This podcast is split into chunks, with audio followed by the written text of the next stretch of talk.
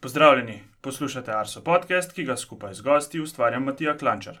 Čeprav je od zadnje epizode minil samo teden dni, nas je trenutna vremenska in hidrološka situacija spodbudila k ustvarjanju prve izredne epizode. Na Arso smo včeraj izdali oranžno opozorilo za količino padavin v južni Sloveniji, prav tako pa velja oranžno hidrološko opozorilo za porečja nekaterih rek. Nekaj več o trenutnem stanju in kratkoročni prognozi bosta povedala Brane Gregorčič in pa Andrej Golob. Pozdravljena oba.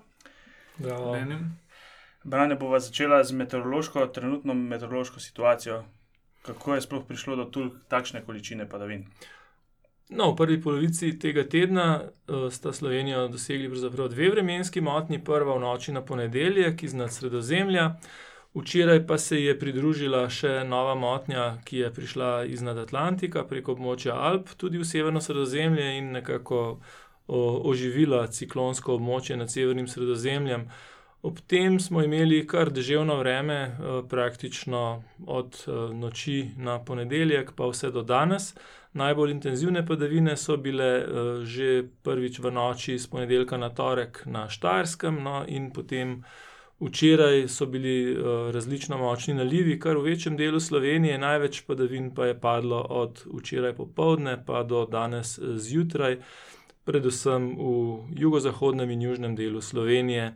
Eh, deževje se zdaj počasi umirja, do jutri zjutraj pričakujemo na vzhodu države še največ tam od 20 do 40 litrov dežja na kvadratni meter, pri tem, da je v zadnjih eh, dobrih dveh dneh padlo največ eh, padavin, predvsem v hribovitem svetu zahodne, jugozahodne, južne Slovenije največ konkretno na merilni postaji Sviščaki, kjer je padlo prek 180 litrov dežja.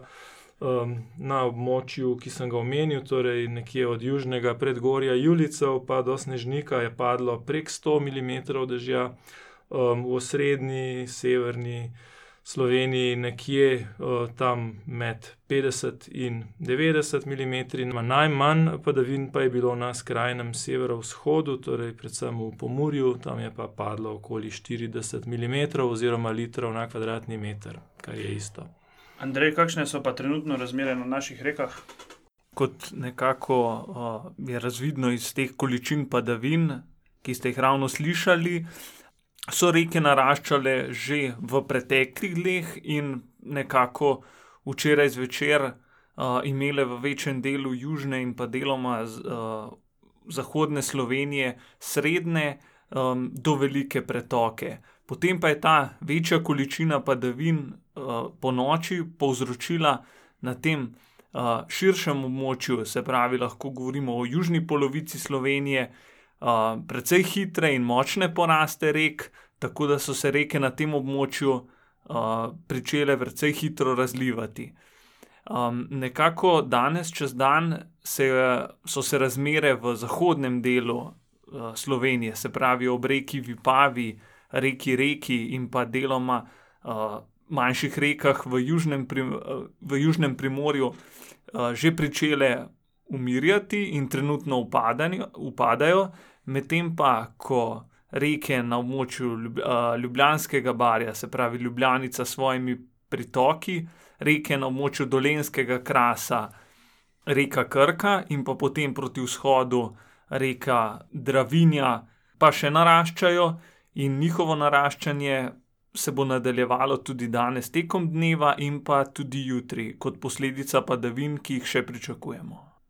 Hvala obema za tale povzetek. Eh, seveda pa vse poslušalce vabimo, da spremljate naše spletne strani, kjer lahko najdete osvežene aktualne informacije tako z področja meteorologije kot hidrologije. Hvala za poslušanje in se slišimo.